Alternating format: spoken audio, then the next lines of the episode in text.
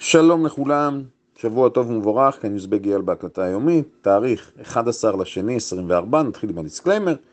קבוצה זו נוצרה בכדי ללמד, להעשיר ידע ולחוות דעות בשוק ההון אינפורמטיבית ולימודית. כל העושה שימוש בתכנים המועלים בקבוצה זו עושה זאת על דעת עצמו ואחריותו הבלעדית. חל איסור מוחלט לשווק, לפרסם או להציע הצעות מסוג זה לחברי הקבוצה. היום ההקלטה פתוחה בכל הקבוצות. אז ראשית, אני רוצה להתייחס להורדת הדירוג של מודי'ס. כפי שכתבנו, ההורדה הייתה צפויה. אין הפתעה, אגב, השוק עצמו מגיב לזה גם באדישות.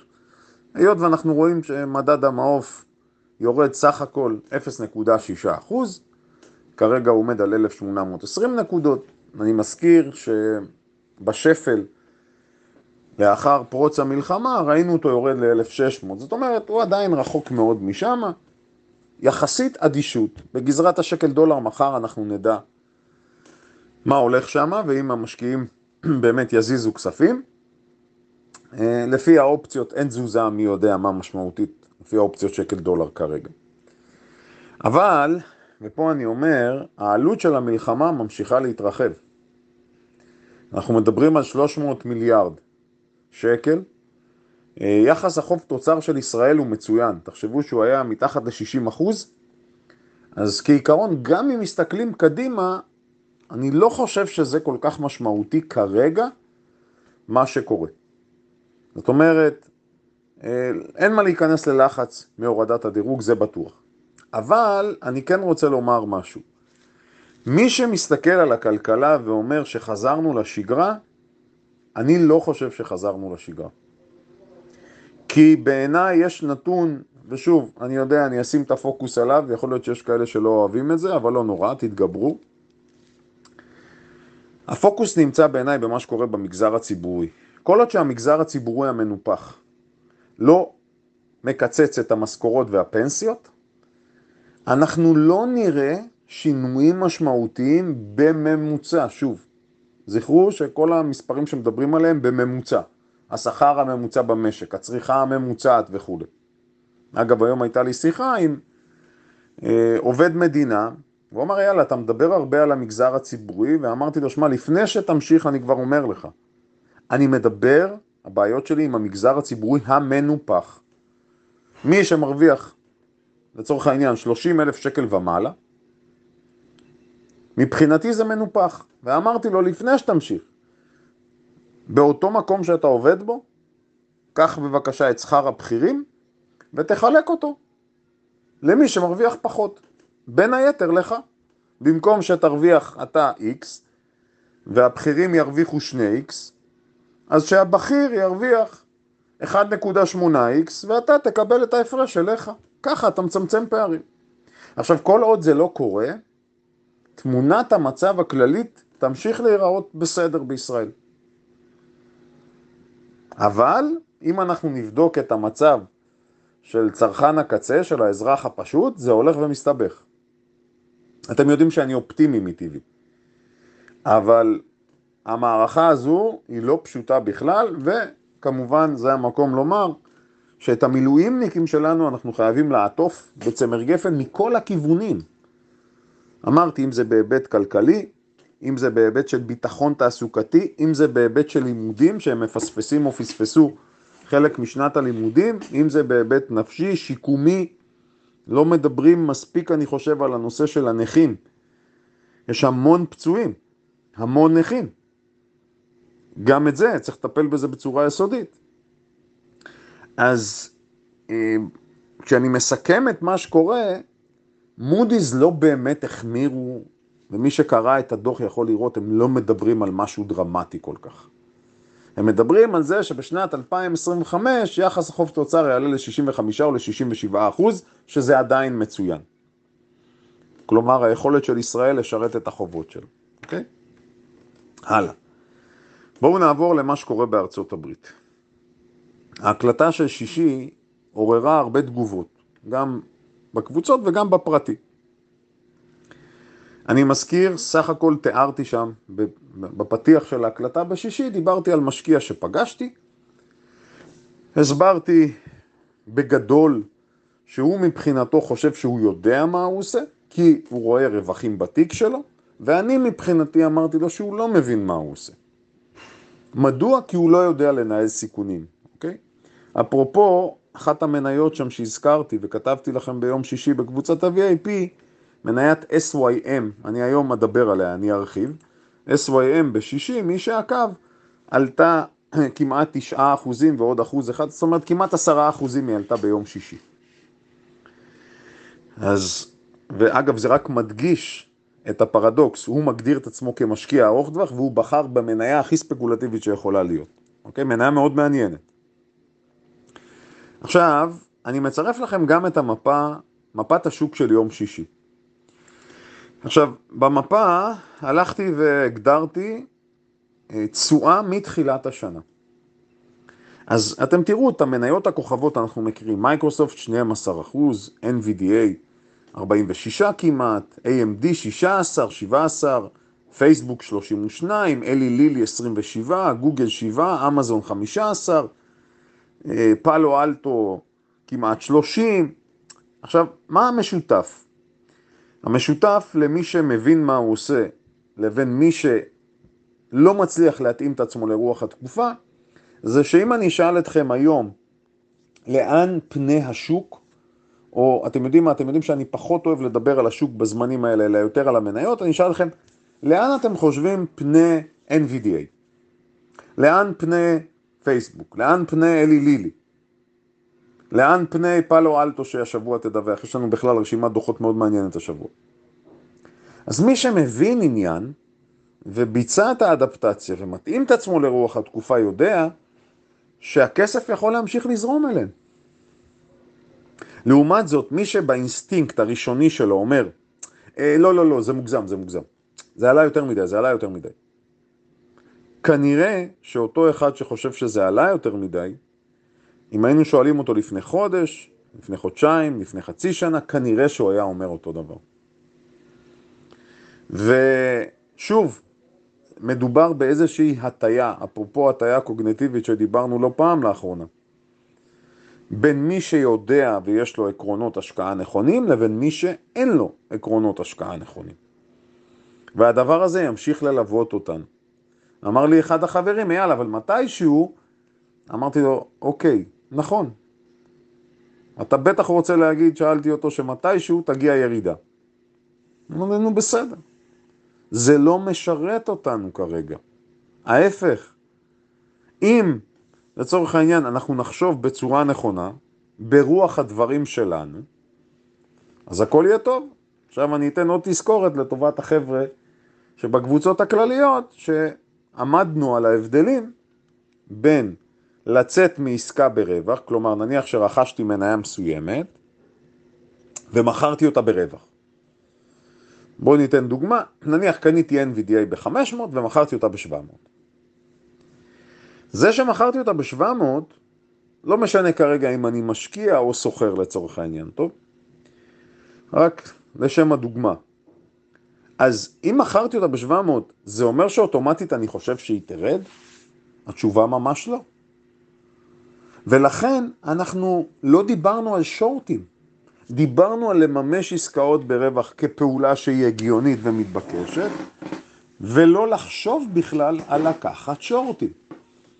אז לפני חודש וחודשיים כשאמרנו את זה, לחלק מהחברים זה נראה היה מוזר,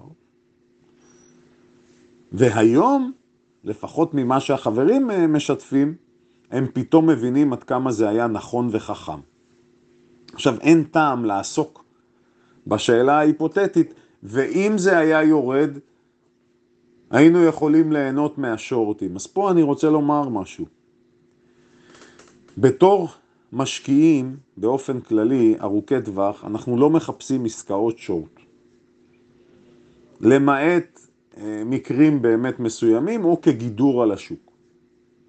בתור סוחרים אין בעיה, אנחנו כן מחפשים את זה. אבל בתקופה הנוכחית זה הרבה פחות חכם. עוד נקודה קריטית, אה, ושוב, זו נקודה שעולה כבר כמה פעמים והיא נכונה. זכרו שמנהלי קרנות הגידור בעולם נמצאים בפיגור משמעותי בשנה, שנה וקצת האחרונות, לעומת תשואת השוק. מה שמאלץ כנראה חלק לא מבוטל מהם לחפש תשואה אגרסיבית ולהיכנס לעסקאות שבמצב רגיל לא בטוח שהם היו נכנסים. וזה כן יכול לייצר לחץ נוסף כלפי מעלה. לדעתי זה בהחלט מסביר חלק מהריצה כלפי מעלה. Okay? אוקיי? עכשיו בואו נדבר על מספר מניות ברשותכם. ראשית, אני רוצה לפקס, כשאנחנו מדברים על מה שעומד להיות השבוע, אז אה, פשוט הרשימה היא מאוד מאוד מעניינת. יש לנו אה, בשלושה עשר לחודש, יש לנו את קוקה קולה, יש לנו את Shopify, יש לנו את Airbnb, יש את מריות, המלונות, UPST. אגב, יש גם את ליפט. הסיבה שאני אומר יש גם את ליפט, כי ליפט היא בדיוק מתנהגת ההפך מאובר. בעוד שהגדרנו שאובר הופכת למפלצת, ניתחנו אותה בשבוע שעבר, בליפט המצב הפוך. ליפט הולכת ודועכת, הולכת ודועכת, ולמעשה בדוח הקרוב לדעתי גם צריכה לפספס. אוקיי? אם אנחנו חושבים נכון, היא צריכה להמשיך להידרדר. ביום, אה, ב-14 לחודש יש לנו את סיסקו, וסיסקו מודיעה שגם היא עומדת לפטר. אז זכרו, כולן, כל חברה שיכולה להרשות את עצמה, מפטרת, מפטרת, מפטרת, וזה עדיין לא פגש אותנו בנתוני המקרו. פאוול עדיין לא אומר ששוק העבודה מתקרר כמו שהוא רוצה. זה מגדיל את האנומליה. וב-15 לחודש יש לנו כמה דוחות סופר מעניינים, במיוחד למי שמחפש את המסחר האגרסיבי. יש לנו את אה, דורדש, יש לנו את קוין, יש לנו את רוקיו. גם כאן אנחנו מקבלים לפחות מבחינת מגוון מניות מאוד אגרסיביות. עכשיו, אה, עצה שלנו, כן? עצה שלנו, ובמיוחד שאלו אותי החברים, כי יש לנו את הפייבוריטיות שלנו, אז אני כן רוצה לדבר, וגם יש לנו את מאנדיי השבוע אגב, שאלו חברים. אז כאן זה המקום רק לומר, כשאנחנו בוחנים מניות, אנחנו לא יכולים להתייחס לכולן כמקשה אחת. אז בואו נתחיל עם הדוח של שופיפיי ברשותכם. ראשית, שופיפיי מבחינתנו זו מניה שסומנה כמניה שיכולה להיות במרכאות או שלא במרכאות, האמזון הבא. וזה שהיא נמצאת עכשיו במהלך שמהשפל שלה באזור ה-25 דולר 30, זה שהיא עלתה בצורה כל כך אגרסיבית, אגב, היא עולה לגבוה תקופתי חדש, זה לא אומר כהוא זה על זה שהיא מנופחת מדי, כי אני מזכיר, היא נסחרה בשווי הרבה יותר גבוה. אממה, שימו לב, בשקט בשקט, שווי השוק שלה כרגע הוא כבר 112 מיליארד. מי שמסתכל על היסטוריית הרווח שלה, אז אפשר לראות שהיא מכה בצורה עקבית ב-EPS. אני מאמין שהיא תמשיך ותתרחב. זאת אומרת, מבחינתי זו מניה שמסומנת גם למסחר קצר, סווינג, וגם למסחר טווח ארוך. אה, אני מאוד מאמין בה. מאוד מאמין בה. זה גם לא כל כך משנה אם היא תפספס בעיניי כרגע, אני אומר את האמת. לטווח ארוך בעיניי זו מניה מדהימה. האם אני יכול להסיק משהו? אז פה אני חוזר ואני אומר, בנובמבר וזה מה שאני רוצה שתבינו. בנובמבר היא נסחרה מתחת ל-50 דולר. אפילו 40 וקצת. עכשיו היא ב-90 ומשהו, זאת אומרת, יש פה הכפלה. אבל, וזה האבל הגדול, ופה אני גם רוצה להסביר נקודה שכנראה לא כולם מבינים אותה. חברים רבים חיכו לפריצה של הראסל 2000. ואמרו, אם המדדים המובילים, נסדק, S&P, דאו, פורצים לשיא כל הזמנים, מתישהו הראסל 2000 שמדשדש מאחור יצטרך לפרוץ. ואנחנו אמרנו שכעיקרון ייתכן שזה יקרה, אבל היינו מעדיפים לבחור את אותן מניות ספציפיות. אז שופיפיי זו אחת מאותן מניות מבחינתנו, מניות נקרא לזה השורה השנייה והשלישית, שהיא כן מגיבה בעצימות ובצורה מוגברת. זאת אומרת, הריצה של המדדים לשיאים, ביחד עם זה ששופיפיי רחוקה בערך, יש לה עוד אה, הכפלה, היא רחוקה בערך עוד 100% כרגע מהשיא שלה, מייצרת מצב שבמניות מסוימות כמוה, התנועה יכולה להמשיך ולהיות חזקה כלפי מעלה. עכשיו אני אומר בצורה ברורה, מי שלא נכנס לשופיפיי עד עכשיו, לחפש את הכניסה לפני הדוח, שוב זה נוגד את האג'נדה שלנו. זה אומר שכל הדרך למעלה נרדמת. היעד הבא הקרוב של שופיפיי בכל מקרה זה יעד מפתח, זה אזור המאה דולר. עוד מניה שאני רוצה לדבר עליה והיא שונה בתכלית, זו מאנדיי. אז אה, מה השוני הגדול? איך אמרו לי חברים, אייל, רגע, מה... למה זה שונה? כי שווי השוק של מאנדיי הוא סך הכל 11 מיליארד. שופיפיי היא פי 10 יותר גדולה ממנה. אבל גם מאנדיי וגם שופיפיי, וזה הדבר היפה, בגרף שלהן הן שתיהן פורצות תעלה של שנה וחצי בערך. עכשיו, מאנדיי זו חברה שאני מאמין בה כי המוצר שלה טוב, והיא גם מצליחה להטמיע את היכולות של ה-AI, ככה לפחות לדבריהם, וכשאני שואל משתמשים במאנדיי, הם מאוד אוהבים את התוכנה. אז מאנדיי היא נהנית ישירה, גם מאנדיי הכפילה את עצמה בערך מנובמבר האחרון ועד עכשיו. המשקיעים אוהבים אותה, הכסף זורם אליה, אפשר לראות גם את נפח המסחר שהולך ו, אה, וגדל. אבל פה אנחנו צריכים לקחת בחשבון, גם במקרה שלה, שהיא מוגדרת כחברת צמיחה, אז היא באמת מוגדרת כחברת צמיחה, אפילו הייתי אומר, אגרסיבית. זאת אומרת, כל דבר הכי קטן כאן, ימינה-שמאלה, התגובה שלה תהיה הרבה יותר מועצמת. אז היות וגם זו מניה שאנחנו אוהבים, בתור סוחרי סווינג, אם אתם בפנים ונהניתם מרוב העלייה, כי דיברנו עליה, כי היא הייתה באזורים הרבה יותר נמוכים, אז תחשבו אם אתם רוצים, מה שנקרא, להשתתף באירוע, או שאתם מעדיפים להסתפק ברווח שלכם. אני באופן כללי חושב שהיות ויצאנו מתעלה של שנה וחצי, גם בשופיפיי וגם במאנדיי, אז מי שנמצא ונהנה מהרווח צריך לתת הזדמנות לעסקאות לעבוד. כי אירוע כזה זה אירוע שקורה פעם בכמה שנים. ולכן בעיניי יש היגיון לתת לזה לעבוד. עוד אה, אה, דוח משמעותי שאנחנו אה, נקבל בקרוב זה הדוח של פאלו אלטו, אמנם לא השבוע, אבל היא הולכת ועולה, הולכת ועולה, ואני יודע שממש חברים רבים נמצאים שם. אז אני גם פה רוצה לומר משהו. ואני חייב לבצע את ההפרדה בין סווינג לטווח ארוך. כעסקת סווינג, פאלו אלטו מתגמלת בצורה יוצאת מן הכלל, יחסית בפרקי זמן מאוד קצרים. ולכן, כן הייתי שוקל לממש, אני מדגיש את זה. בעסקה ארוכת טווח, אני חושב שצריך לבצע איזון של התיק, אוקיי? עכשיו אני רוצה לדבר על המניה המעניינת שהעלה אותו משקיע. על מניית SYM ולספר מה מיוחד בה בניתוח שלה.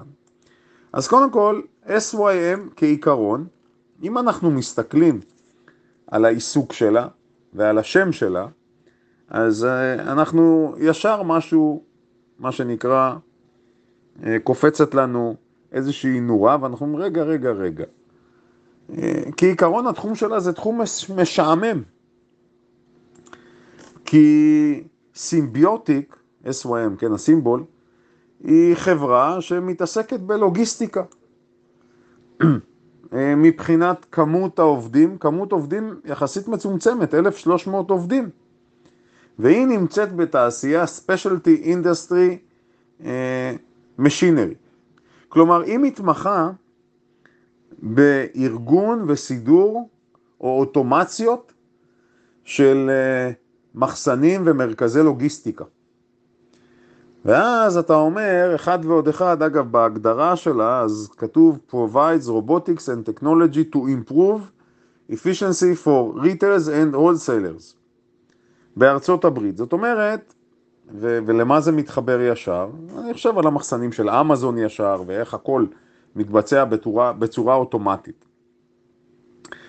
אבל אה, אני מאמין, ותכף תבינו גם למה, שהיא נהנית וקשורה להייפ של ה-AI. תגידו, רגע, איך זה קשור? תראו, הפרופיל של המניה, כשאני מנתח אותו, אז יש שם כמות שורטים ענקית, כמות השורטים בשמיים. אה, לפי, והלכתי ובדקתי שני אתרים במקרה שלה, אז יש פה כעיקרון 45% מה float שלה.